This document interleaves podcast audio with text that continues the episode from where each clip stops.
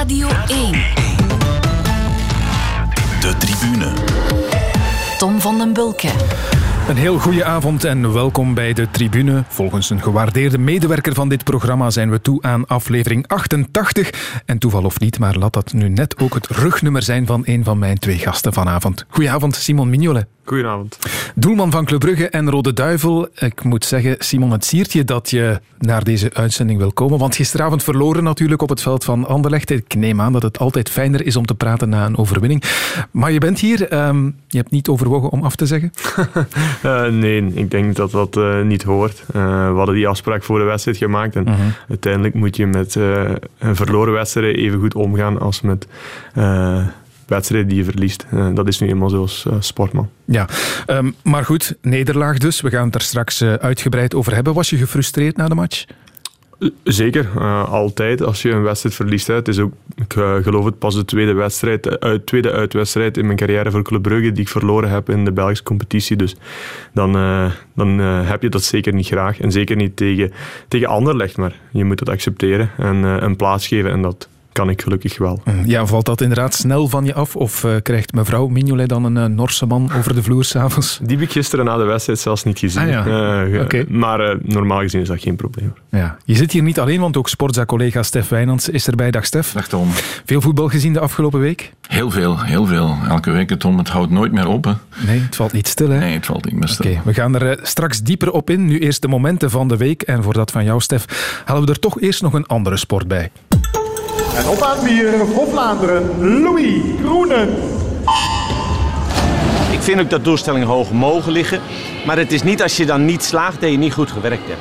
Waarom ben je nu dan precies boos? Want zo klinkt. Omdat er een beetje een verwachtingspatroon wordt gecreëerd door, door de media. Door onze voorzitter misschien gisteren wel. Waarin we op lange termijn zeggen we moeten eigenlijk vier individuele zwemmers hebben voor de Spelen. En daar worden we nu in één keer op afgerekend. En, en daarom ben ik eigenlijk wel een beetje boos, een beetje gepikeerd. Omdat er in één keer doelstellingen worden neergelegd. Waar een jaar geleden nog niet... Als ik tegen een jaar geleden tegen jullie had gezegd... Ja, vier man naar de Spelen. Dan had je gezegd van... eh, heb je corona ge- gekregen of zo? En nu moet het in één keer allemaal maar. En nu denkt iedereen, oh maar ja, dat is logisch. En nou, zo werkt dit niet. Ja, we hoorden Louis Kroenen het bad induiken vorige vrijdag op een meeting in Eindhoven. Hij heeft daar zijn Belgisch record verbeterd op de 100 meter vlinderslag. En we hoorden ook zijn coach, Ronald Gaastra, die enerzijds blij was met dat record, Stef, maar anderzijds had hij zich ook een eh, week daarvoor boos gemaakt over de negatieve sfeer die rond dat eh, Belgische zwemmen hangt. Dat zijn twee verschillende dingen natuurlijk. Laat ons beginnen met het eerste. Ehm Belgisch record voor Louis Kroenen. Een opsteker neem ik aan met het oog op het eh, Europees kampioenschap volgende maand. Maar het is niet zo dat we nu plots van een Olympische medaille moeten gaan dromen, nee, ik, nee, nee. Louis Kroen is in, in C een 200 meter vlinderslag eh, zwemmer. Hè. Daar heeft hij zijn beste resultaten gehaald. Eh, een hele tijd geleden al, Tom. 2015, 2016. WK en de Olympische Spelen. En nu de 100 meter heeft hij 52.00 gezwommen. Dat is een nieuw Belgisch record. Dat is altijd heel erg goed. En eh, dat betekent dat Louis vroeg oké zit. Hè. De WK komt er pas aan binnen, binnen een maand. En, eh, dikke maand. En de Spelen, dat duurt nog wel eh, even. Hij is geplaatst. Zijn er nog maar twee geplaatst. Daar zullen we het zo meteen over hebben. Maar om toch even te kaderen, die 52.00 is op zich niet genoeg om te mogen deelnemen aan de Olympische Spelen. Want de limiet is daar 51,96. Dus Louis zwemt nu heel veel 100 meter, denk ik, om gewoon volume te maken, meters te maken, om dan straks op die 200 te gaan knallen. Tenzij ze alsnog een, eh, een, een, eh, omwenteling zouden maken. Maar daarvoor is hij niet snel genoeg om straks bij de toppers mee te gaan en, en finale te halen. Dus goed, maar wel even eh, plaatsen wat, dat, eh, wat eh, dat betreft. De andere prestaties die zijn toch niet op het niveau waar we naartoe zouden moeten. Oké, en daarover gesproken, we hoorden Ronald Gaastra dus. Hij vindt dat er een te hoog verwachtingspatroon gecreëerd is door de media, ook door de eigen voorzitter van de Zwembond. Die vindt dat vier Vlaamse zwemmers zich zouden moeten plaatsen voor de Olympische Spelen. Dat zijn, zoals je net zei, er maar twee op dit moment, met Kroenen en eh, Fanny Lecluze. Ja, wa- wat eh, kun je zeggen over die boosheid van eh, Ronald Gaastra, over die gecreëerde verwachtingen? Die komt eens om de zoveel jaar komt hij altijd terug. Ik ken Ronald nu al meer dan twintig jaar. En als je hem in de hoek dringt, dan slaat hij keihard terug. Hij is heel wel bespraakt. Dat heb je nogmaals kunnen horen. En hij heeft vaak wel een, uh, wel een uh, punt, maar hij, ik denk altijd, uh, Ronald, jaag je dan niet zo op. Jij zit daar toch vast gebeiteld. Jij hebt een Olympische kampioen gemaakt, je hebt een vice-Olympische kampioen gemaakt. Maar goed, de druk op hem wordt natuurlijk ook wel groter, want ja, als je straks maar met twee naar, naar de Spelen gaat en hij zegt, ja, we zijn ooit in Athene zonder zwemmer geweest, en toen was hij ook coach. Ja goed, wij kunnen niet elke Olympische, elke Olympiade een zwemmer klaarstomen. Maar ja, nu zitten we met Lecluze en Kroenen, die zijn er al ik weet niet hoe lang. En een aantal jongeren maken wat vooruitgang, maar of die het uiteindelijk zullen halen. En dan krijg je natuurlijk een nieuw beleid, nieuw bewind. Hij is ook een beetje boos omdat de, de structuren weer veranderd zijn. Er is een verenging van de, van de topsportopleiding gekomen. Dus dat speelt allemaal niet in zijn, eh, in zijn eh, kaart. En, en daar is hij nu heel erg boos over, uh, Tom. Mm -hmm. okay. Dus laten we niet lang over, de, over het zwemmen, want je hebt hier een heel grote gast zitten vandaag. Dus, uh, maar, maar je vroeg mij om iets anders te kiezen dan het, dan het voetbal, uh, Tom. En uh, zwemmen ligt mij na aan het hart. En anders voilà. was het alleen over Ik dacht, dit is helemaal perfect in de winkel van Stef Wijnands. Toch nog één vraag die ik er wil aan vastkoppelen, ja. Stef. Want oké, okay, Louis Kroenen en Fanny Lecluze, dat zijn Olympiërs. Er is nu momenteel ook een debat begonnen over... Ja, moeten de Olympiërs en hun entourage al gevaccineerd worden in aanloop naar de Spelen? En dan wel vroeger hmm. dan anderen die hen eigenlijk voorafgaan in de wachtlijst of op de wachtlijst. Wat is ja, dus het, gaat, het, gaat over, het gaat over 500 mensen. Ja, in het, gaat, het, is ja. natuurlijk een ethisch uh, vraagstuk. Het gaat niet over het aantal gaan, denk ik. Want die 500, uh, ik bedoel, waar gaat het over? Uh, maar het, het, is een ethisch vraagstuk. Maar ik kan alleen maar zeggen, als we straks in juli met z'n allen voor de televisie hangen en de Belgen presteren niet, en het zou ook maar enigszins eraan kunnen liggen dat die atleten die zich al vier jaar lang, hè, vergeet dat niet, en het zijn met alle respect, zijn geen voetballers, het zijn geen wielrenners, het zijn mensen die in het zwembad liggen, die gaan roeien, die gaan kajakken, die verdienen daar niet veel geld aan. Die zetten alles op dat ene moment. Nou, alsjeblieft, kunnen we dat niet aan, aan, aan, aan de regering voorleggen om ervoor te zorgen dat die 500 uh, voor, voor uh, die gasten bestemd zijn? Ja. Enfin, ik weet niet wat Simon ervan denkt. Maar... Ik wil het jou inderdaad eens voorleggen. Jij bent een uh, topsporter, natuurlijk geen Olympiër, Simon, maar hoe kijk jij daarnaar?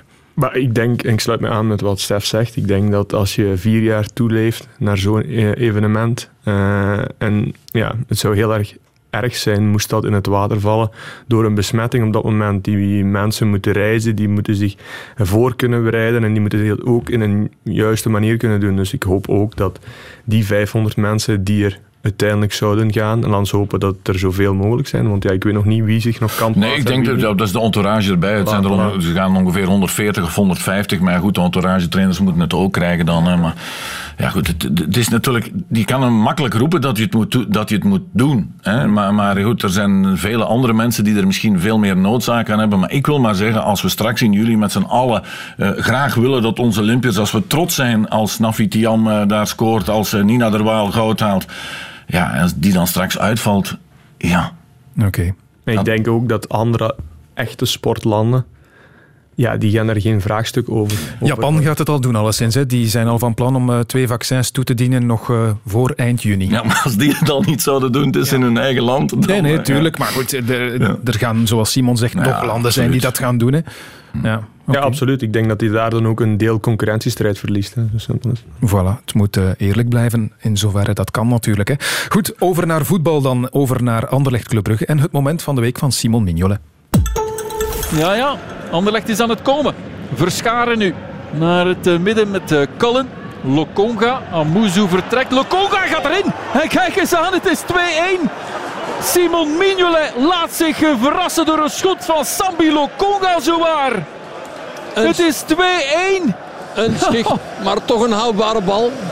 Slecht ingeschat door Mignolet. Ouais, le, le but, ouais, je me dis juste que j'ai l'espace pour tirer. Donc euh, voilà, j'ai j'ai tiré et puis euh, c'est rentré. Donc euh, voilà, on est content. C'était le but de frapper comme ça ou pas bon, Franchement, quand je tire, j'essaie de, de, viser le cadre. Et puis si ça rentre, ça rentre. Ça rentre pas, ça rentre pas. Dat was Sambi Lokonga die na zijn doelpunt nogal laconiek zei: Ja, ik mik gewoon naar het doelkader en uh, zie dan wel waar de bal belandt. Simon, het is opvallend, vind ik. Je kiest dus zelf voor dat uh, tegendoelpunt. Waarom? Ja, absoluut. Ik denk dat het in eerste instantie het doelpunt is waardoor we de wedstrijd verliezen. En, en tweede ook, en, en ik hoorde dat nu net ook, ik had die, uh, dat fragment nog niet beluisterd van de radio mm. natuurlijk, want ik stond op het veld. Uh, omdat ik ook in het, uh, in het, punt van kritiek stond. En ik zeg, ja, ik denk als ik dan een, een keuze moet maken, dan is het logisch dat ik voor dat doelpunt Dan dacht je van, oké, okay, ze gaan er toch naar vragen, dus ik kies het maar Voilà, voilà, we moeten ja. een beetje inschatten. Ja, voilà. ja, bekijk het eens of vertel het eens vanuit jouw perspectief. Maar nee, kijk, elke keer na de wedstrijd, zoals altijd, met een overwinning of een verlieswedstrijd, blijft dat hetzelfde. Ga ik mijn wedstrijd analyseren en ga ik kijken samen met de keeperstrainer wat ik beter en slechter kon doen. Um, en vandaag heb ik eigenlijk gezegd, ja, als die bal zo nog 100 keer op doel getrapt wordt, dan gaat hij waarschijnlijk 99 keer opnieuw binnen. Uh -huh. uh, dat klinkt misschien heel, heel bizar, maar uh, ja, ik, ik, weet hoe die bal naar mij komt. Ik weet welke curve dat die bal maakt. En moet ik die curve kunnen inschatten op voorhand, dat hij dat doet, ik denk niet dat ik dan doelman was, maar dan was ik waarzegger geworden. Ik denk dat ik dat niet kan inschatten en ik, ik heb ook geen probleem met kritiek. Ik denk dat ik daar in heel mijn carrière al heel erg goed mee omgegaan ben. Mhm. Verdwijnt die bal, uh, Simon, niet even achter een, een van, de, van, van jouw verdedigers? Nee, nee, nee, want nee? Het, okay. het, is uh, eigenlijk... Ik heb een heel goed beeld en ik word ook niet verrast. Ik verkijk me ook niet op de bal, maar ik reageer gewoon op hoe de bal uh, op mijn doel gaat. En eerst begint hij rechts, laten we zeggen een meter van mij... Dus ik zet een stapje naar rechts en dan gaat hij naar links, 2, 3 meter. Ik kan mij nog corrigeren, maar dan gaat die bal ook nog naar beneden en botst die ook nog voor mij.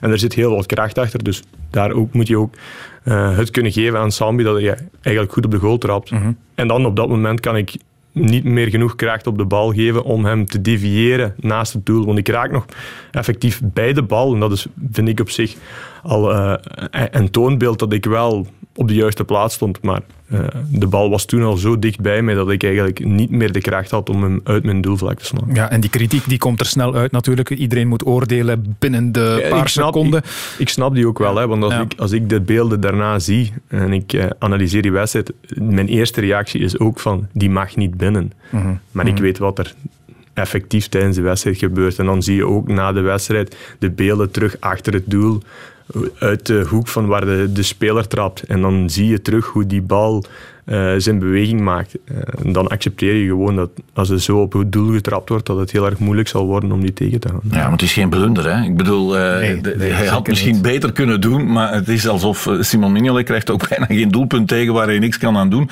Dus ja, en dit is nu een fase waarvan je kon zeggen, hey, misschien had hij die kunnen hebben, dus we, we vergroten dit nu voor een stukje ook uit. Maar ja, goed, de bal is niet door zijn armen gevallen, hij heeft geen bal laten vallen of zo. Hè? Mm -hmm. Het is een zogenoemde zwabberbal. Hè? Zijn dat de moeilijkste ballen voor een keeper? Ja, eigenlijk in de wedstrijd iets daarvoor kreeg eenzelfde of een gelijkaardige fase voor met El Hadj, die ook op doel trap van ver. En die bal zwabbert ook, maar die uh, blijft op dezelfde as. Die gaat niet links of rechts twee meter van mij af. Die blijft dezelfde baan volgen. Terwijl met, die, met het doelpunt van Samuel Lokonga gaat hij eerst helemaal rechts van mij en dan links. Ja, dan wordt het effectief wel moeilijk. Maar zo die, dat soort ballen, Simon, zie je dat door, door de, het soort bal dat, waarmee je nu speelt vaker op je afkomen? Of ja, eh, nu wordt dat vaker en, gebeurt dat vaker en vaker. En niet enkel alleen door de bal, maar ook de manier hoe men om een bal trapt. Hè. Dat ja. is ook een heel erg Maar goed, dit was niet een, een, een, stilstaande fase in elk geval. Hè? Nee, maar het gebeurt ja. vaker als de bal beweegt. Oké, okay, dat, hij al een, dat hij al een curve heeft. Ja. ja. Kun je daar op een of andere manier op trainen? Zeg jij bijvoorbeeld tegen pakweg uh, Noah Lang na de training van trap nu nog eens een kwartiertje zwabberballen? Uh, wij proberen dat zelfs met de keeperstrainer te doen. Hè. We hebben ah, ook ja. een ballenmachine bijvoorbeeld bij Club Brugge. Dus op dat, op dat vlak probeer je daar ook op te trainen. Maar je kan die curve zoals het gisteren was, en dat is hetgeen wat ik wou zeggen, die kan je niet voorkomen, die kan je niet inschatten. Want ja, zoals ik zeg, als dat nog 100 keer gebeurt, gaat, gaat die 99 keer opnieuw binnengaan. Omdat je gewoon reageert op wat je ziet. En de bal gaat eerst naar rechts, je zet een stapje en dan raak je nooit, nooit meer terug. Nee. Oké, okay, voilà. Dat is uh, interessant, Stef. Zo steek je toch iets op, denk ik. Ik ben nooit doelman geweest, dus ik luister. voilà, interessant. De tribune. Ja, Anderlecht Club Brugge dus, gewonnen door Paars-Wit met 2-1. Simon had er nogthans lang alle schijn van dat Club Brugge niet zou verliezen. Ik volgde de eerste helft op de radio. Ik denk dat ik in 45 minuten tijd jouw naam twee keer horen noemen heb. Dus uh, dat zegt al iets natuurlijk. Waar is het dan toch fout gelopen? Want ja, jullie komen zelfs op voorsprong in die wedstrijd. Nee, dat klopt. Ik denk dat we 70 minuten van de wedstrijd eigenlijk heel erg dominant zijn. De wedstrijd volledig controleren zonder echt gevaarlijk te zijn of zonder echt powerplay te moeten spelen. Maar dat was eigenlijk ook het idee voor de wedstrijd. Hè. We hadden de wedstrijd tegen Antwerpen gezien en we hadden gezien dat Antwerpen die vooruit wou voetballen heel erg snel onder druk kwam door het hoge druk zetten van Anderlecht. Dus we wouden daar wat uitblijven door uh, hun niet de kans te geven om die druk te zetten of te genereren. Dus we probeerden eigenlijk eerder de bal in de ploeg te houden en op de juiste momenten gevaarlijk te zijn. En dat lukte eigenlijk heel erg goed. We controleren de volledige wedstrijd. We komen op het juiste moment ook voor. En het enige wat we ons kwalijk kunnen nemen of waar we zelf misschien wat ongelukkig door zijn, is het feit dat we dan niet extra op de gas zijn gaan duwen om dat tweede doelpunt te vinden. Mhm. Dan hebben we onszelf um, een klein beetje, niet, ik, zal, ik zal niet zeggen in slaapgewicht, maar we hebben ervoor gezorgd dat we hun niet gebroken hebben. En ja, het doelpunt dat we dan tegenkrijgen, de 1-1, uh, komt uit het niets. En ja, ze scoren twee minuten daarna de 2-1. Ja, en dan is het heel erg moeilijk om daarvan terug te mhm. komen. Minpunt zeg je inderdaad dat uh, jullie niet doorgeduwd hebben na die 0-1. Maar minpunt misschien ook wel de reactie na de 2-1 van Anderlecht. Er was nog tijd genoeg, denk ik, om iets terug te doen. Was dat uh, onvoldoende scherp van Club Brugge? Het was niet echt met het mes tussen de tanden. Ik denk dat dat vooral gewoon de reactie of de, het feit van hoe we de wedstrijd benaderd hebben, hoe we de wedstrijd voorbereid hebben. Zoals ik net zei, uh, we wouden uit die druk blijven van Anderlecht. En je maakt je plannetje erop en dat werkt goed voor gedurende 70 minuten. En je krijgt dan dat doelpunt tegen 1-1, oké. En dan krijg je een mokerslag met die 2-1. Dus dan moet je even vijf minuten recupereren om terug op je even te mhm. komen. Mm -hmm. Maar dan is er nog maar 10 minuten. En op dat moment uh, valt gelukkig Hans uit. Uh, ongelukkig Hans uit. We wisselen dan Charles ook nog een bas. En we konden niet, dan niet meer die powerplay genereren die we bijvoorbeeld wel hebben gedaan tegen Lazio. Uh, mm -hmm. Waar we zelfs met 10 man nog de laatste minuten hebben, hebben zitten pushen om, om een doelpunt te maken. Zoals we bijvoorbeeld tegen Standaard hebben gedaan in de beker. Mhm. uh, we hebben wel nog een halve kans gehad met Noah, met die afgeweken bal die dan nog uh, gered wordt door de doelman van Anderlecht. Maar het klopt wel inderdaad dat we dan niet meer de kansen gevonden hebben om uh, die gelijkmatig te maken. Want voor, eigenlijk was 2-2 voor ons ook geen slecht resultaat. Mhm. Er is nu nog niets gebeurd, maar ja, verliezen doe je nooit graag. Zou het ook te maken kunnen hebben, en dan bekijk ik het in een groter plaatje en ga ik het misschien ook te ver zoeken, maar dat mag jij zeggen, met het feit dat jullie, en dat gaat gek klinken, te veel voorsprong hebben in de competitie, dat die verbetenheid er niet meer elke keer is? Ik zou dat begrijpen of ik zou meegaan uh, in, uh, in dat idee als het tegen een andere tegenstander was dan Anderlecht. Mm -hmm. Ik denk dat dat nooit ja. het geval is als je tegen Anderlecht speelt. Uh, wij willen absoluut die wedstrijd winnen. het was voor ons opnieuw ook een wedstrijd waarin we ons voetbal konden tonen. En tegen een ploeg die voetbalde. Um, dus nee, ik denk niet dat dat een reden kan zijn. En het speelt ook eigenlijk niet in de kleedkamer hoeveel punten wij op dit moment voor hebben. Uh, wat er meer in de kleedkamer speelt, is dat wij elke wedstrijd en elke kans die we hebben, dat we die willen winnen. En daarom dat eigenlijk ook de ontgoocheling zo groot was en de frustratie zo groot was na de wedstrijd. En dat is logisch als je tegen Anderlecht niet uh, de drie punten haalt. En zeker en vast, omdat je gedurende 70 minuten van de wedstrijd heel erg voelde. En als, als speler op het veld voel je dan nog veel meer dan als je daar buiten staat. Dat we alles gecontroleerd hadden en dat we nooit in de problemen zijn gekomen. En dan kan je eigenlijk niet echt vatten waarom dat je dan niet eens de drie punten hebt, niet eens de één punt, maar gewoon met lege hand naar huis gaat. Ja.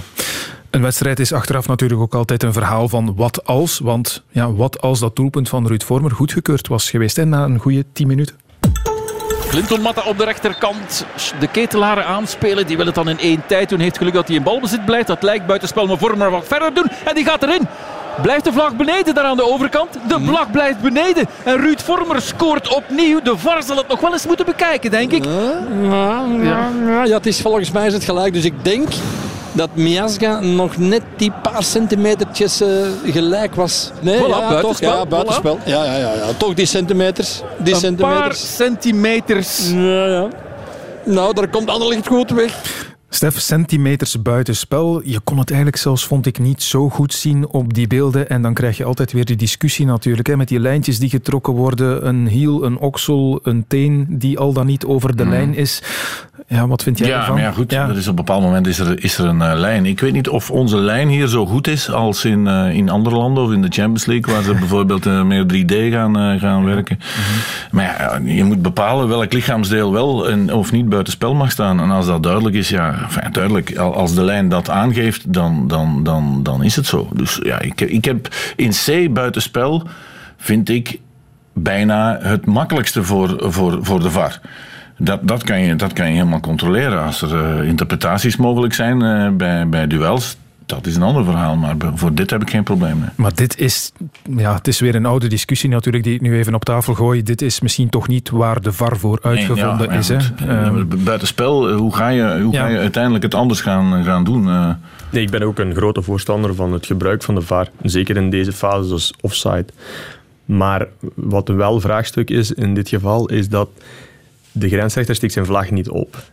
En de VAR mag pas ingrijpen als men 100% zeker is dat het effectief buitenspel is. Mm. En ik weet niet of dit met de lijn die er nu getrokken was, ja. effectief zo was. Ja. Nu, ik denk wel dat we altijd uh, een stap vooruit zetten met het analyseren van doelpunten die offside of niet offside zijn met de VAR. Dus ik ben daar grote voorstander van, dan zal ik ook altijd blijven. Uh, maar ik weet niet of hier, de, hier 100% duidelijk was. Mag ik nog eens iets vragen, Simon? Simon waar ik mij vooral aan erger is dat wanneer een speler meters buitenspel loopt, dat er dan wait-and-see-regel wordt toegepast. Die speler die uh, gaat op de doelman af, in C op jou. Er komt een duel van. Terwijl iedereen duidelijk heeft gezien dat het buitenspel was. Er wordt niet voor gevlacht. De, de actie gaat door. De speler gaat in op jou, blesseert jou. Terwijl waarom wachten we dan in godsnaam met de grensrechter om te vlaggen? Dat, dat, als, het, als het zoals gisteren heel uh, miniem is, dan begrijp ik dat hij zijn vlag niet opsteekt. Maar er gaat eens een keer een zware blessure van komen, van zo'n geval dat je niet, uh, niet, niet vlagt. Ja, ik weet het, maar ja, je kan ook geen blessures uit het voetbal verhelpen op die manier. Ik snap, dat, dat gaat niet wegvallen. Ik snap dat dat heel erg spijtig, een heel erg spijtig voorval zou zijn, moest dat zo gebeuren. En ik hoop en houd vast dat het niet gebeurt bij mij en ook niet met een andere mm. doelman. Maar ja, uh, we moeten ergens een regel maken om ervoor te zorgen dat die kleine details, zoals gisteren, eruit gaan. Ja, en als dat dan een negatieve bijwerking, zoals we dat mm zeggen, zou zijn, ja, dan is dat heel erg spijtig. Maar ik begrijp wel waarom men die regel zo, zo, zo, zo behoudt. Oké. Okay. Terug naar de match, Stef. Wat vond jij van Anderlecht? Het was niet op dezelfde manier als tegen Antwerpen, maar wel weer een goed resultaat tegen een topclub. Dat valt op. Ja, dat valt op. Wel op een wat andere manier. Ze hebben natuurlijk Antwerpen hadden ze wel uh, weggeveegd uh, ja. de, de, week ervoor. En dat is wat Simon al had aangehaald, dat ze daar natuurlijk wel uh, zich hadden op voorbereid. Maar goed, je ziet toch dat die jongens, die jonkies veel vooruitgang maken. Het feit dat Club Brugge de laatste 17, 18 minuten ook heel weinig nog heeft heeft kunnen ontwikkelen. Dat zou met Anderlecht vier, vijf maanden geleden toch moeilijker gebleven zijn. Ik denk dat ze dan misschien sneller het hoofd niet zo koel zouden gehouden hebben. Dus ja, dat is onmiskenbaar dat er, eh, dat er eh, vooruitgang in zit eh, bij, bij Anderlecht. Mm -hmm. Stappen gezet, dat is zeker waar. Maar inderdaad, wel lange tijd gisteren in die match weinig voet aan de grond gekregen. Ja, en ik vind de enige fout die Club Brugge, maar Simon heeft het eigenlijk al voor een stuk uitgelegd. Ze zitten zo comfortabel. Ze staan 0-1 voor. Maar ik vind in 1-0 in welke wedstrijd ook nooit comfortabel. Mm -hmm. En dat gaat er dan niet om dat ze dan aanvallend moeten door om 2-0 van te maken. Maar ja, er komt één bal, één hoekschop, één afgeweken vrije trap. En plots staat het daar uh, 1-0. En ik denk dat dat misschien iets is wat ze zouden kunnen meenemen. Ook al staan we maar 0-1 voor in de play-offs. Uh, en hebben we het onder controle, zoals we het onder controle hadden dat de waakzaamheid dan misschien nog groter zal zijn. Daar heeft Anderlecht van uh, geprofiteerd. Ook al kregen ze dus uh, vrij lang hun spel niet echt op gang. En dat dat niet lukte, had ook te maken met uh, Simon Mignolet. Dat zeg ik niet, maar dat zei Vincent Compagnie. Het was, het was zeker voor ons een, een probleem om, om ons spel te spelen. Ik denk dat Simon Mignolet daar ook een belangrijk gegeven in was. Want heel weinig keepers komen zich tussen de verdedigers zetten om nog mee op te bouwen. Voilà Simon, jij bent niet alleen maar de man tussen de palen. Hè? Je speelt ook nog een andere rol. Ja, absoluut. En dat was ook de, de les die we getrokken hadden uit de wedstrijd tegen uh, Antwerpen. En wat ik juist al aangehaald ja. had. Hè. Mensen spreken dan vaak, ja, maar er wordt niet vooruit gespeeld en er wordt niet genoeg uh, aanvallend gespeeld. Maar dat is ook soms een reden. Uh, en de reden daarvan is gewoon om te zorgen dat zij geen druk konden zetten. En het is heel erg moeilijk als jij als doelman, of als, als de doelman van de tegenstander, dan nog als extra opbouwende speler mee kon doen. Dus ja, ik probeerde mijn rol daarin te vervullen. En ja, dat is niet de eerste keer. Um, maar soms is het nodig tegen een ploeg die man op man speelt, die mm hoog druk zet, om dan als, als extra veldspeler te fungeren. Oké. Hoe heb jij gekeken naar Anderlecht? Wie van Anderlecht heeft eigenlijk het meeste indruk op jou gemaakt? Wie vond je de beste man? we weten ondertussen al dat Anderlecht heel veel talentvolle spelers heeft. En dat spelers zoals een Metja, uh, Jari en, en, en Samuel Konga, ik heb dat ook gezien met de nationale ploeg, stappen gezet hebben. Maar wat voor mij vooral opviel, was uh, Miasga in de verdediging. Met, ah, ja. met Anderlecht, die eigenlijk toch een heel imposant figuur was en die heel erg veel duels gewonnen heeft. En ik denk dat daar zij misschien nog de meeste stappen in gezet hebben. Want zoals je zelf aanhaalde, anders konden wij die laatste tien minuten wel nog wat powerplay spelen. Maar eigenlijk heeft hij daar samen met Kobba toch wel redelijk wat duels gewonnen. Mhm. Dat is een opvallende naam die hij er wel uitpikt, vind ik. Uh, Miasga, ja, en eh, ik moest er nu aan denken dat Company, die nog niet zo lang geleden, hè, terwijl daar iedereen van overtuigd was dat hij de leider van die defensie, die, die, zat, die zat op een bepaald ogenblik ook gewoon of op de bank of in de tri tribune. Dat, mm Daar wij ons afvroegen vaak, maar Company, hoe wisselt hij nu? Dan die erin, die eruit. En Miasga was daar ook eentje uh, van. Maar ja, goed, ik denk dat dat nu niet meer gaat uh, gebeuren. Oké, we gaan nog eens luisteren naar Vincent Company. Dit was ook wat hij zei over zijn ploeg geeft wel vertrouwen dat jullie tegen die topploegen, de ploegen die nu in play-off 1 zitten, ja, heel goede resultaten hebben geboekt. 15 op 18. Ja, daar kruipt veel werk en energie in. Maar um, ik zeg het, onze ploeg blijft een ploeg van, van progressie. En uh, ik zeg het, je kunt, uh, je kunt iemand verkleed als een clown aan het stuur laten van die ploeg. Je kunt die progressie niet stoppen. Die jongens worden elke dag beter. Um, mijn rol is om, om die um, progressie te versnellen. En, en, om gewoon die jongens telkens te wijzen op, uh, op de feiten en op hetgene dat ze nog moeten doen om beter te worden. Voilà, Anderlecht heeft de compagnie niet nodig. Een clown is ook goed. Dat is een boetade natuurlijk. Maar schrijven we ze al op uh, voor uh, play-off 1, Stef? Het is nog niet helemaal zeker mm. natuurlijk. Maar... Ja, goed. Ze moeten op Sint-Truiden spelen. Wat ik gisteren gezien heb van Sint-Truiden was natuurlijk dramatisch. Dus in C, een ploeg die daar komt spelen met de honger en de nood om te winnen. En zoals Anderlecht nu speelt, gaat daar komen winnen. Ja. ja. Het zou ook, met alle respect voor Oostende, het zou, of voor Antwerpen, zou natuurlijk wel heel erg goed zijn dat Anderlecht ook voor de ontwikkeling eh, van het Belgisch voetbal, want Anderlecht moet terug naar de top. Het moet niet alleen Club Brugge die 20 punten voor staat. Mhm. Er moet, er moet terug eh, strijd komen en het zou goed zijn dat die jonkies dan uh, de play-off 1 gaan spelen, denk ik. Simon, wat Club Brugge betreft, de voorbije twee maanden zijn wel niet de vrolijkste geweest hè, voor jullie. Uitschakeling in de beker in Europa, oké, door omstandigheden natuurlijk. Maar nu nederlagen tegen Antwerpen, tegen Anderlecht. Ja, doet dat iets met de groep, met jullie? Um, je verliest niet graag, hè. daar moeten we geen doekjes om winnen. Maar het is inderdaad zo dat we uit de beker en uit Europa gegaan zijn door omstandigheden uh, die buiten onze controle lagen. En, uh, dat is, dat is zuur, want eigenlijk hadden we daar ook heel erg ver in willen en kunnen gaan, denk ik. Zeker als je die wedstrijd tegen Kiev ziet, als je, als je daar op volle sterkte bent, dan uh, denk ik dat we die met onze ploeg altijd moeten opzij zetten. En dat wil daarom niet zeggen dat we dat zouden gedaan hebben, maar ik denk dat de kansen veel groter waren. Net hetzelfde zoals in de beker, waar eigenlijk de omstandigheden zo speciaal waren dat je achteraf denkt van ja, eigenlijk moesten wij ook nog in de beker zitten, maar het is nu eenmaal zo. En ja, uiteindelijk, anderzijds, uh, oké, we verliezen nu uh, tegen Antwerpen, tegen Anderlecht. En om eerlijk te zijn, verlies je ook nog twee punten tegen Charleroi, die je niet hoefde te verliezen door een late stilstaande fase. Mm Maar um, de positie in, uh, in, het kampioenschap, als je die vergelijkt vandaag met die van voor nieuwjaar, voor kerstmis, denk ik dat we wel een heel erg goede tweede ronde gespeeld hebben. En ja, je verliest niet graag tegen Antwerpen, je verliest ook niet graag tegen Anderlecht. Maar als je dat over het hele seizoen. En dat is uiteindelijk wat een kampioenschap is, een marathon. En die win je niet enkel alleen met de tussensprints, maar die win je op, uh, op de lange termijn. Daar staan we nog altijd in een goede positie. En misschien zijn die wedstrijden tegen Antwerpen, Anderlecht nu wel voor ons uh, uh, allez, een een, goede, een goed alarmsignaal, ik zal het zo zeggen, om, om die play-offs aan te vatten. En als wij nu kampioen worden, uh, met hetgeen wat we meegepakt hebben, en ook de manier waarop we dit jaar hebben moeten voetballen, want het was nog meer Club Brugge tegen uh, de rest van de competitie. Ik denk dat we daar als groep alleen maar sterker kunnen uitkomen om dan volgend jaar nog extra stappen te zetten. Mm zijn nog kortere play-offs straks. Um, Club Brugge kampioen, daar ga ik toch nog altijd van uit, Simon. Of verwacht jij toch nog dat ja, bijvoorbeeld Racing Genk uh, dicht kan komen? Maar ik ben niet uh, diegene om te gaan rekenen of om te gaan tellen. Uh, wij kijken naar onszelf en wie, tegen wie de grootste tegenstander zal zijn of niet, dat maakt op zich niet zoveel uit. Ehm, wij moeten gewoon zorgen. En dat leeft ook niet in de kleedkamer. Ik snap dat dat in de buitenwereld wel eerder is dat wanneer gaat Club Brugge kampioen worden, niet of, maar wanneer en met hoeveel punten verschil. Voor ons is dat niet zozeer belangrijk wij willen opnieuw uh, die titel pakken, de tweede op rij. De tweede sinds dat ik hier bij Club Brugge uh, speel. En dat is dan bijvoorbeeld voor mij belangrijk. Mm -hmm. um, maar wanneer dat gebeurt en hoe dat gebeurt en met hoeveel veel punten voorsprong. Dat is op zich niet zo belangrijk. Ja, maar het gaat ook niet meer fout lopen. Hè? Tom, bedoel, Nee, het wordt gedeeld dat- door dat twee. niemand. Want ik, Ja. ik las nu de, de meest optimistische Anderlecht-fans die zeiden... ja, als we twee keer winnen tegen Club Brugge in de play-offs... staan we nog maar op drie punten. Ja, dat kan wel best zijn. Maar dan moet je toch... Als, als, stel dat Club Brugge nu slechte play-offs speelt... en ze halen zeven punten.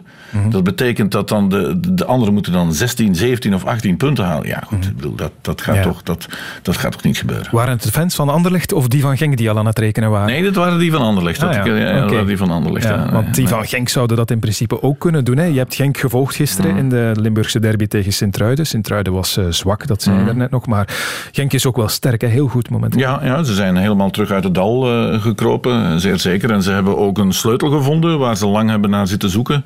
Met name op dat eh, middenveld, eh, dat driemans middenveld eh, waar Heine in uitblinkt. Maar die eigenlijk op die drie posities op dat middenveld kan spelen. En nu staat hij daar op de juiste positie, naast Rozovski en achter Torstvet.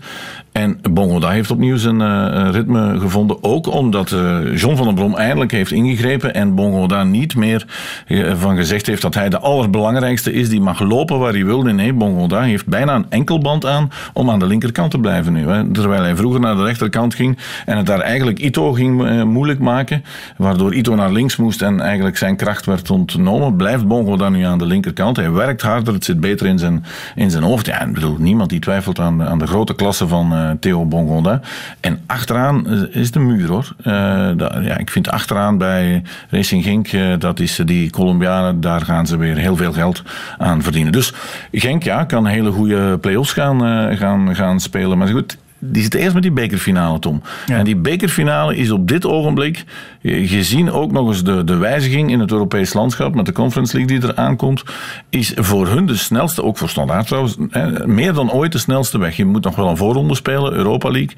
Maar ja, als je straks in de Conference League terechtkomt als derde of als vierde en je moet naar eh, eh, Armenië en naar eh, Kazachstan om Europese wedstrijden te spelen, dan, dan denk ik dat Genk nu gewoon moet zorgen, eerst en vooral, dat die beker gewonnen wordt. Ja, het was tegen Sint-Truiden gisteren, Simon, dat Racing Genk speelde. Sint-Truiden uiteraard jouw ex-club. Volg je ze nog op de voet? Je hebt gisteren de match niet echt kunnen volgen, neem ik aan. Want die zat voor die van jullie. Nee, absoluut. Natuurlijk eh, volg ik altijd de resultaten van SCV nog met een half oog. Ehm, en in eerste instantie ben ik vooral blij dat ze zich vorige week dan eh, hebben kunnen redden. Ik denk dat dat ook meegespeeld heeft in de wedstrijd tegen Genk. Eh, ik denk dat het moment van die derby eigenlijk in het voordeel van Genk was. Zij moesten zich plaatsen voor play-off 1, zij moesten dat veiligstellen. En SCV had een beetje de decompressie na de week waar ze zich veilig hebben kunnen stellen. En ik weet dat het gedurende het seizoen heel wat anders is geweest.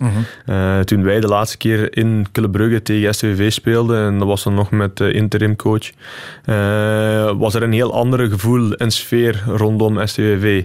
Ja, en als je dan eh, je redt en dan moet je de derby gaan spelen zonder supporters, eh, dat moet je ook nog meenemen. Want als je als speler, oké, je hebt die ontlading, je bent gered, je weet dat je volgend jaar terug in eerste klasse gelukkig mag spelen. En je, maar je weet tegelijkertijd dat er supporters in het stadion staan en je voelt die eh, vijandige sfeer, dan ga je nog altijd een andere wedstrijdbeleving hebben dan die, hoe die als gisteren was. En dan ook nog ja, het verloop van de wedstrijd. Nou, er waren ook geen kaarten. En eens het 1 en 2-0 was het eh, meteen. Maar, maar je kan toch niet genoeg onderstrepen. eh, wat eh, toen Peter Maas op 8 december aankwam, hadden ze 11 punten. Hè? Ja. En het, eh, toen, ik gaf echt geen stuiver ervoor. En ze hebben uiteindelijk 27 punten gehaald.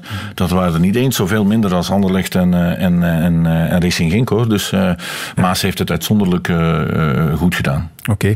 Simon, je hebt van die, van die spelers die op het einde van hun carrière nog eens terugkeren naar het oude nest. Ehm, Simon Mignolet naar Sint-Truiden. Is dat een wensdroom die ze daar nog mogen koesteren over zoveel Eh, jaar? Dat kan ik jou nu al zeggen dat dat een wensdroom is. Ja. daar, spreekt, daar spreekt heel veel volk mij over aan. Maar eh, kijk, ik eh, zit nu zeker en vast tot 2025 bij Club Brugge. En ik hoop dat dat zo lang mogelijk kan blijven verder duren. Eh, dat is tot nu toe een heel erg goed huwelijk geweest. En ik voel mij heel erg fit en ik voel me nog op niveau. En zolang ik dat kan doortrekken, eh, wil ik dat vasthouden. En wat erna komt, daar wil ik nog niet aan Je gaat eh, 37 zijn hè, als je contract bij club afloopt in 2025. Ga je dan nog door? Ja, dat weet je niet natuurlijk. Dat is, dat is zoals ik mij nu voel en zoals ik mijn, mijn gestel is, denk ik dat daar nog wel een verlengstuk aan gebruikt kan worden. Ja, Danny Verlinde stond er nog op zijn veertigste bij Club Brugge. Ja, er zijn genoeg doelmannen die dat al getoond hebben in de afgelopen jaren. Dus dat moet voor mij ook de uitdaging zijn. Oké. De tribune. Er is ook gevoetbald in Europa met enkele knallers in de kwartfinales van de Champions League en met de Classico in de Spaanse competitie Real Madrid-Barcelona.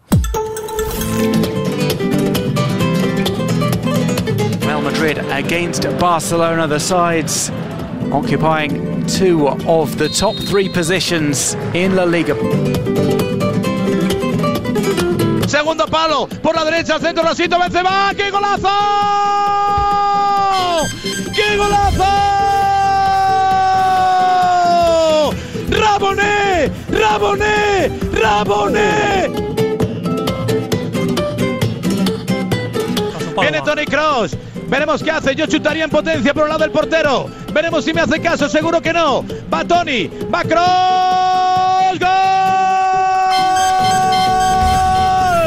Real Madrid 2. Barcelona 0. Otra vez insiste, percute por la izquierda, la deja pasar. Gol del Barça. Vamos. Gol de Mingueza. Real Madrid verslaat Barcelona met 2-1. Het is razendspannend, Stef, in La Liga. Atletico 67 punten, Real 66, Barcelona 65. Heeft de Classico enigszins duidelijkheid gebracht over wie die titelstrijd gaat nee, winnen? Nee, nee, nee. nee, nee. De enige duidelijkheid is dat Real Madrid meedoet. Want als Barcelona had gewonnen, goed, dan was uh, Real allicht wel uitgeschakeld. Maar er zijn nog acht wedstrijden, Tom. En wat vooral, het was, was, een geweldige, was een geweldige avond voetbal naar te kijken. Drie zonen gekeken, die zijn een beetje verdeeld hm. tussen Real Madrid en Barcelona. Ja, dat was een, een gekke huis thuis. En dat, dat merk ik eigenlijk niet zo vaak meer in het, in het voetbal. Ook al zijn ze voor, voor verschillende Belgische ploegen. Die opgewondenheid, zoals ik die zaterdag zag, ja, die, die heb ik niet vaak gezien. Het was, was van voor tot achter in, in welk kamp zit jij? Of eh, ben je ook daar objectief en neutraal? Ja, nee, nee, ik, heb een, ik, ik, ik, heb, steek dat ook niet onder stoel of bank. Ik heb al een Real Madrid bril van als ik heel erg uh, klein was. Maar ik kan het wel, ik kan het wel, wel plaatsen. Of Tom. Net zoals ik uiteraard graag heb dat STVV wint. Maar ik heb in mijn carrière heel vaak moeten zeggen dat Sint-Truiden heel slecht gespeeld heeft. Hoor. Dus daar moet je geen zorgen om maken. heb jij een voorkeur voor een van die twee? Vraag ik me nu ineens af, Simon. logischerwijs, niet zozeer vanuit mijn jonge leeftijd of zo. Maar door het feit dat Thibaut en Eden bij Real Madrid speelt, mm -hmm. draag je hun een veel warmer hart toe en hoop je dat zij de titel kunnen pakken. Ik weet natuurlijk dat Yannick ook met Atletico speelt, dus op dat vlak is dat een beetje 50-50, maar ja. uh, laat ons hopen dat het tussen hun zal gaan in ieder geval. Ja. Heb je iets kunnen meepikken van die wedstrijd zaterdagavond? Ik heb uh, Vlaarden gezien, ik heb de doelpunten gezien, dus ja... Ja, um, Ronald Koeman die was uh, achteraf heel slecht gezind, omdat zijn ploeg geen penalty kreeg in de slotfase. En in het interview na de match liep hij gewoon weg. Ha pasado lo que hemos visto hace unos minutos aquí en el partidazo. Vamos a recuperar el momento en el que Ronald Koeman habla de esa acción de eh, el Fútbol Club Barcelona de Breadway, eh, que insisto, con Mendy parece que no es penal. ¿Tú has visto la jugada? Yo he visto la jugada. ¿Es penalti sí. o no? Yo bueno, creo que decide el colegiado, si no decide quieres, el bar, bueno, si no decide quieres fotogrado, mojarte, sí. que no mojas. Pero entiendo, vale. bueno, las palabras de Ronald Koeman. En voilà, en weg was hij, Stef. Want Ja. hij ging niet meteen in op uh, de vraag of op... Uh, Nee, maar er of, was een op vraagsteller, hè? Ja, Ik inderdaad. bedoel, Dus was geen Koeman vroeg- analist, ja. Koeman vroeg aan de journalist, ja, maar vond je het geen penalty? En hij zei, ja, liet het een beetje in het midden, denk ik. En uh, voilà, hij was weg. Maar hoe zat het dan? Hing het af van die penaltyfase, ja of nee, in goed, de Classico? Het kan natuurlijk wel van belang zijn, maar het gaat mij vooral om de reactie van Koeman. Eh, Ik vind het echt een klein kind. Eh, Ik bedoel, eh, heel die fase die besproken wordt, kan, kan de VAR ingrijpen. Maar is het een clear error? Nee, dat denk ik niet. Dus ze, ze grijpen niet in. En, maar bij Barcelona heerst dan nu al jaren het, het gevoel, ook al hebben ze eh, nationaal meer prijzen gehaald dan, eh, dan Real, dat ze tekort gedaan worden. En je zag dat al bij het eerste doelpunt van Real, wat een geweldige counter was. En daar werd, voor hen werd er een fout gemaakt op Messi. Eh, tegenwoordig is het heel vaak zo dat als Messi tegen de grond ligt, dan, dan, dan is het altijd een fout. Maar het was geen fout. En na dat doelpunt verzamelen ze zich rond, rond die scheidsrechter, belagen ze hem. Terwijl er er was geen overtreding. En dat zit bij, bij heel veel van die oudere spelers, bij Barça, bij Piqué, die dan vanuit de tribune dat deed, die ook nog een akkefietje met uh, Modric heeft gehad na de wedstrijd. Maar ook bij Busquets en vooral bij, bij Alba. En Koeman draagt dat nu ook uit. Ik vind, vond Koeman vroeger ook al een slechte verliezer. Toen hij nog trainer was bij, bij Feyenoord, bij Everton, bij Southampton. Heel vaak heeft hij uitgehaald naar scheidsrechters en VAR. En helaas moet je zeggen, Koeman Waarom stel je Griezmann niet op? Waarom heb je de Jong eh, op het middenveld gezet terwijl hij de weken daarvoor centraal achterin eh, mee opbouwde? Zelfs de grote Louis van Gaal, niet bepaald de vriend van Koeman, dat weet ik wel, heeft dat achteraf eh, heel, heel erg duidelijk gemaakt. Dus ik vind het een kleinzerig, de, de frustratie die er bij Barcelona heerst. Uiteraard, er is, er, is, er is verloren en je wil natuurlijk geen twee klassico's in één jaar verliezen. Mhm. Maar om het daar te steken, het had 3-0 gewoon voor de rust kunnen staan, was de wedstrijd gespeeld, Tom. Ja. Messi heeft het niet gedaan. Ik las in een van de nabeschouwingen. Lionel Messi heeft in 567 Classico-minuten niet meer gescoord. De tijd dat Messi in zijn eentje een Classico kon beslissen is voorbij.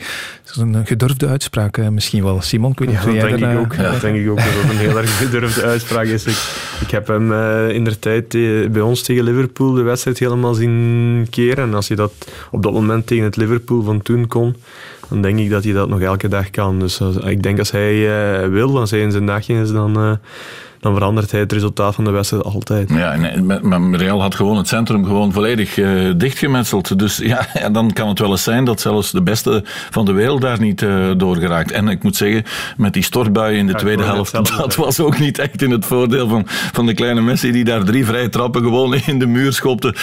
dat zou ook nooit gebeurd zijn, denk ik, drie na, na elkaar. Dus ja, ik bedoel, dat soort statistieken, stop ermee. Ik bedoel, over, mm. over Messi praten, dat doe je niet in het feit dat hij een aantal minuten niet gescoord heeft. Oké. Door de naam eh, Liverpool te laten vallen heb je zelf al het bruggetje gemaakt, want Real Madrid heeft ook tegen Liverpool gespeeld vorige week. Het werd 3-1 voor Real in die kwartfinale in de heenmatch van de, Champions League. Gaat Liverpool, jouw ex-club uiteraard, eh, dat nog recht trekken deze week? Eh, dat is moeilijk, maar bij Liverpool in de Champions League weet je nooit. Hè. Ze zijn al uit slechtere omstandigheden teruggekomen. Zoals ik net al aanhaal, we verliezen met heel erg grote cijfers in, in Barcelona. En dan trekken we thuis nog Uh, en herinner je ook de finale uh, tegen AC Milan. Dus uh, ja, je bent nooit klaar met Liverpool. Dus je weet dat nooit. Kijk je nog naar Liverpool als een soort van supporter? Of zeg je van nee, dat is een afgesloten hoofdstuk? En, nee, nee absoluut. Ik, ik ken ook nog heel veel jongens hè, die op het veld staan. Dus je, ja, je hebt net hetzelfde zoals ik naar STV kijk. Altijd een ander gevoel als je naar die club en ploeg kijkt. Dus laat ons hopen dat ze niet enkel alleen nog doorstoten in de Champions League. Maar dat ze zich ook vooral kunnen plaatsen voor de Champions League van volgend jaar. Want daar hebben ze op dit moment een uh, grotere kluif aan in, in het Engelse Premier League. Het is een bizar seizoen inderdaad hè, voor Liverpool. Ja, ook bijvoorbeeld in doel, als we het dan toch over keepers hebben. Alisson vorig jaar heel betrouwbaar tussen de palen. Dat is nu een stuk minder. Ja, en dat zal verschillende redenen hebben. Hè. Ik denk enerzijds blessures, want hij is toch ook een paar keer in en uit gegaan. En dat is als doelman nooit niet gemakkelijk. Ja, en het feit dat, dat ze al een heel jaar uh, Virgil moeten missen, dat is toch een brok stabiliteit die wegvalt.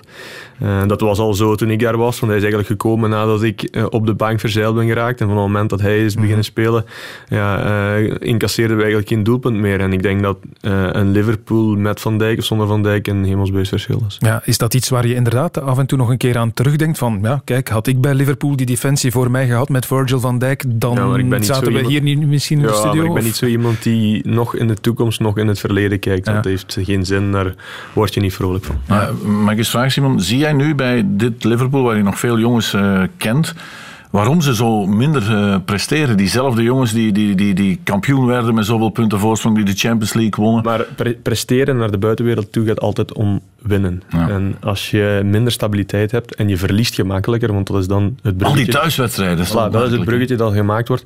Dan kom je vaker in een negatieve spiraal terecht. En dan is het met vertrouwen te maken en met de flow waarin je zit, wordt het altijd moeilijker. En in de Premier League is het zo'n moeilijke competitie dat als je niet die reeks kan vasthouden en niet die onoverwinnelijkheid die men twee jaar eh, gehad heeft, mm. dan is het moeilijk om wedstrijden thuis te kunnen winnen. En iedereen gaat dan naar Anfield. En zeker ook zonder supporters met een ander gevoel van hier valt wel effectief iets te rapen, terwijl dat voor eerder was van oei, we moeten naar Anfield. Dat is een heel andere ingesteldheid. Ja, en Anfield met of zonder publiek, dat uh, is ook al een groot verschil natuurlijk. Hè.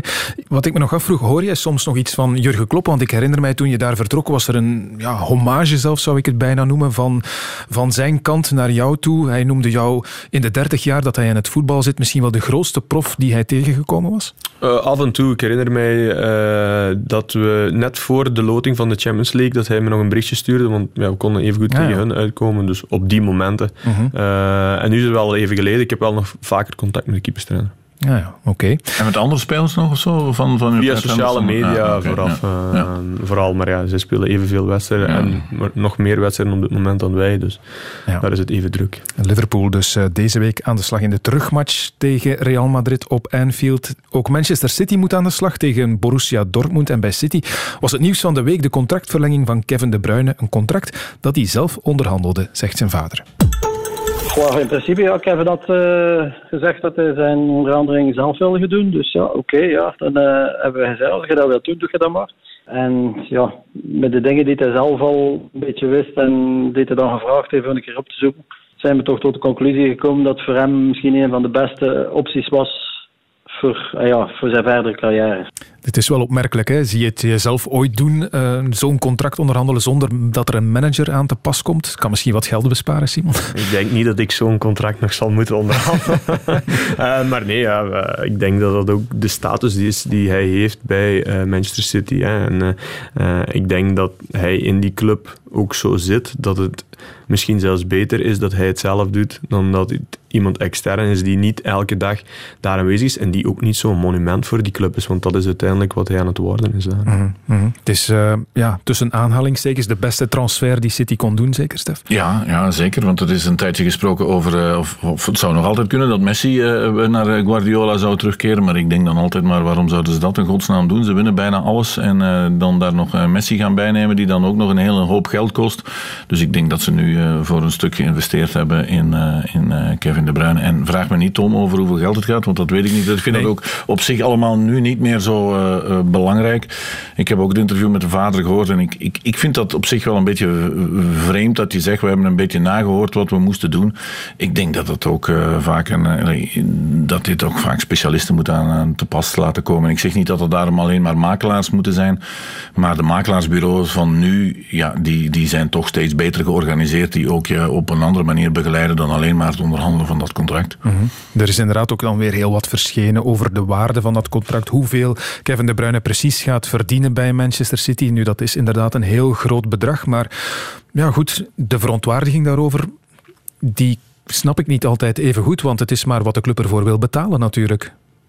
Uh, ja, dat is vraag en aanbod. Ja, voilà. Zo simpel is het. Ja, ik, ik, ik weet het niet zelfs. Ik bedoel, al die cijfers in Engeland is dat uh, als je wedstrijden voorbereidt, dan lees je in Engeland altijd uh, wie hoeveel verdient per week. Hè. Toen, toen in het begin van, van, van mijn carrière, als ik commentaar gaf in Engeland kwam, vond ik dat altijd heel erg raar. Wij doen nu, dat nu eigenlijk nog altijd uh, niet. Hè, want wij, wij volgen dan de, de, de, de, de verhalen in de roddelpers vaak van, van Engeland, van de tabloids, want daaruit komt het uiteindelijk vandaan. Dat, dat doen wij niet, maar ja, ja, vraag en aanbod, ja, dat zal wel.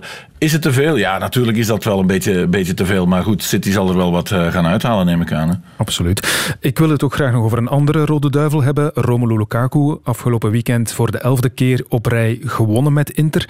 Elf punten voor nu in de stand op de eerste achtervolger Milan. Simon, hij gaat eindelijk nog eens een trofee winnen, hè?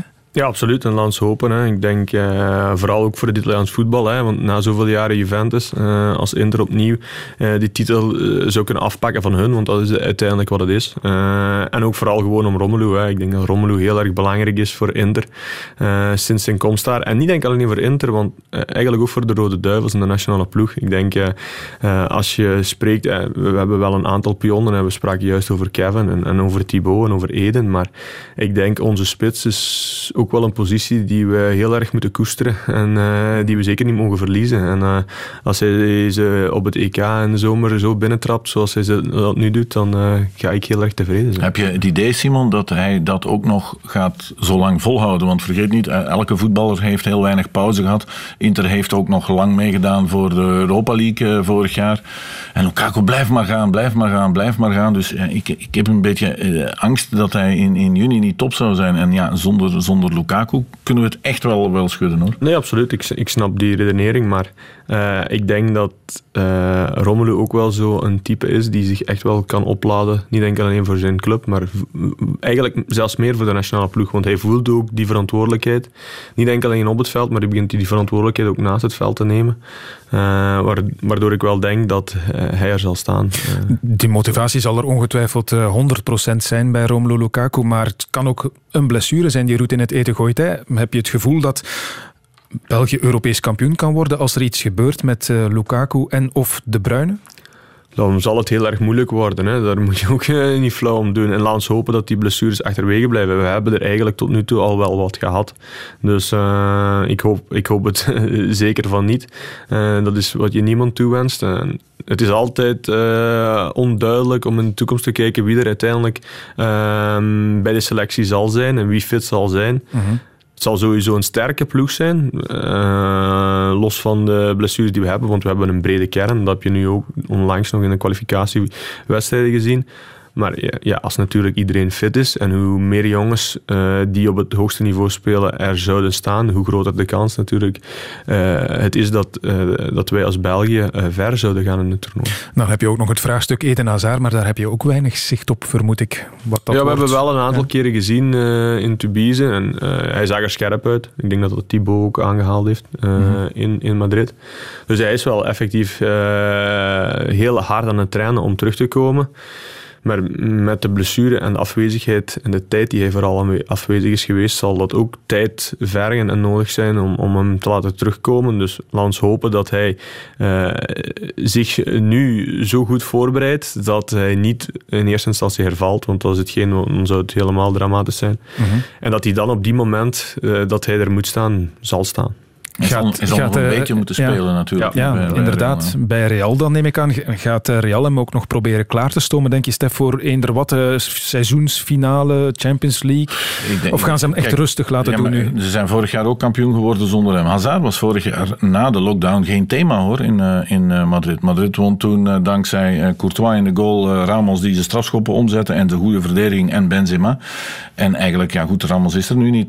Draait het eigenlijk een beetje om hetzelfde. Ze spelen wel beter dan, dan vorig jaar. Ook zonder Hazard. En de vraag is maar, ja goed, als ze zich... Uh, ze hebben nu gewonnen van Barça. Als ze zich plaatsen tegen Liverpool nu. Uh, Porto en Chelsea worden de, wordt de volgende tegenstander in de Champions League. Ja, als je daar allemaal doorgaat met de spelers die dan voorhanden zijn. Vergeet niet dat, uh, dat Real heeft een blessure waslijst hè, van hier tot ginder. Want ik las dan ook, of ik mm. hoorde dat Barça heel erg boos was dat ze niet wilden aanvallen. Maar dat waren vervangers van vervangers die gespeeld hebben. En als die het dan allemaal goed blijven doen, natuurlijk een goede Hazard, daar, daar kan je niet omheen. Maar ja, hij zal toch nog wel wat moeten gespeeld hebben. En, uh, Denk wat ik me wel afvraag, Simon, stel dat hij niet zou gespeeld hebben.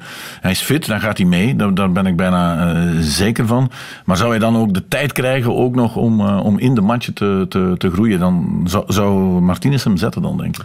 Oh, ik, ik wil niet en ik durf niet in het hoofd van de coach kruipen. Hè. We hebben ook natuurlijk nog wel een aantal oefenwedstrijden ja, voor, ja. voor uh, het toernooi om te kijken hoe en wat. Uh, maar ja, uh, ik denk dat ik uh, speler ben en gelukkig maar. ik moet die beslissingen niet maken en ik moet die discussie ook niet voeren. We zullen dat dan wel zien, want uiteindelijk weet je uiteindelijk nog niet wie er effectief in de selectie is. Misschien moeten we er gewoon van uitgaan dat hij niet gaat spelen. Want dan, ja. dan is het een, een, een surplus. is het een plus. Ja. ja. Oké, okay. gaan we allemaal ontdekken uh, in de komende maanden natuurlijk, dat EK-voetbal. En ik kijk even nog verder vooruit, uh, Simon, naar het WK in Qatar. Dat uh, is voor volgend jaar. We hebben een rode duivel in de studio. En dan wil ik het toch nog wel even over dat WK in Qatar hebben. Want heel omstreden, Simon, daar worden nu steeds luidere vragen bij gesteld. In de zin van, moeten er signalen komen van voetbalbonden, van spelers enzovoort. Wat vind jij daar persoonlijk van?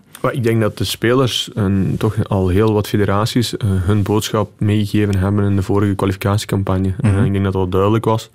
Um, nu, uh, ondanks het feit dat we wel geïnformeerd worden van wat er zich afspeelt, is het heel erg moeilijk om effectief binnen te kijken wat er precies gebeurt. Daar ben ik ook niet juist voor geplaatst om daar een oordeel over te vellen of daar mijn mening over te geven. wat ik wel kan zeggen is dat, het, dat wij als, als Rode Duivels er niet achter staan. Um, en meer kan ik er ook niet over zeggen, want uiteindelijk zijn wij niet geplaatst om dat te gaan oplossen. Ik denk dat daar Mhm. de FIFA, die de wereldbeker organiseert, de grote instantie is om daarop te Mhm. reageren. Je staat niet achter de omstandigheden waarover ginder gesproken wordt. Maar uiteindelijk is wat je zegt, ja, als eh, België als land beslist van oké, wij gaan naar het WK, dan gaan jullie gewoon mee. Zo simpel is het Ja, uiteindelijk. maar o- opnieuw ben ik daar niet de persoon om daar de antwoord op te geven, want dat kan ik niet inschatten. Daar durf ik geen antwoord op geven, want ik ben een speler van de Rode Duivels en ik weet ook niet wat er letterlijk en effectief aan het spelen is. Niet enkel alleen daar, Mhm. maar ook in de federatie en ook in de FIFA. Ik heb daar totaal geen beeld op. Oké. Ja, de hypocrisie moeten we natuurlijk ook ook niet onderschatten. Hè. Ik bedoel, wij denken allemaal maar dat wij het allemaal zo netjes voor, voor elkaar hebben. En trouwens, het, ik denk dat het eh, Europees voetbal wel eens eh, in elkaar zou kunnen storten aan de top als ze straks niet meer met Qatar. Is dat, is, mag dat dan? Ja, dat mag misschien wel. Hè, als, maar dan moet, je de, dan moet je de lijn ook een beetje durven doortrekken. En dat gaat echt niet gebeuren. Oké. We zitten in de laatste minuut van eh, deze uitzending alweer. En dan vraag ik jullie nog waar jullie deze week nog naar uitkijken op sportief vlak. Er komt wel weer van alles op ons af. Hè. Ik zal heel kort zijn, laat Pijl, het laatste woord voor Simon. Ik, morgen Real Liverpool, daar kijk ik naar uit. En de laatste Voilà. speeldag zondag in het voetbal. Simon? Ja, voor ons is het de laatste speeldag. Dat is normaal. Dat is hetgeen wat op ons programma en op ons bord ligt. En laten we ons hopen dat we die reguliere competitie kunnen afsluiten met drie punten. Ja, dat is tegen Moes Kroen, hè, dacht ik. eh, zondagavond om zes uur.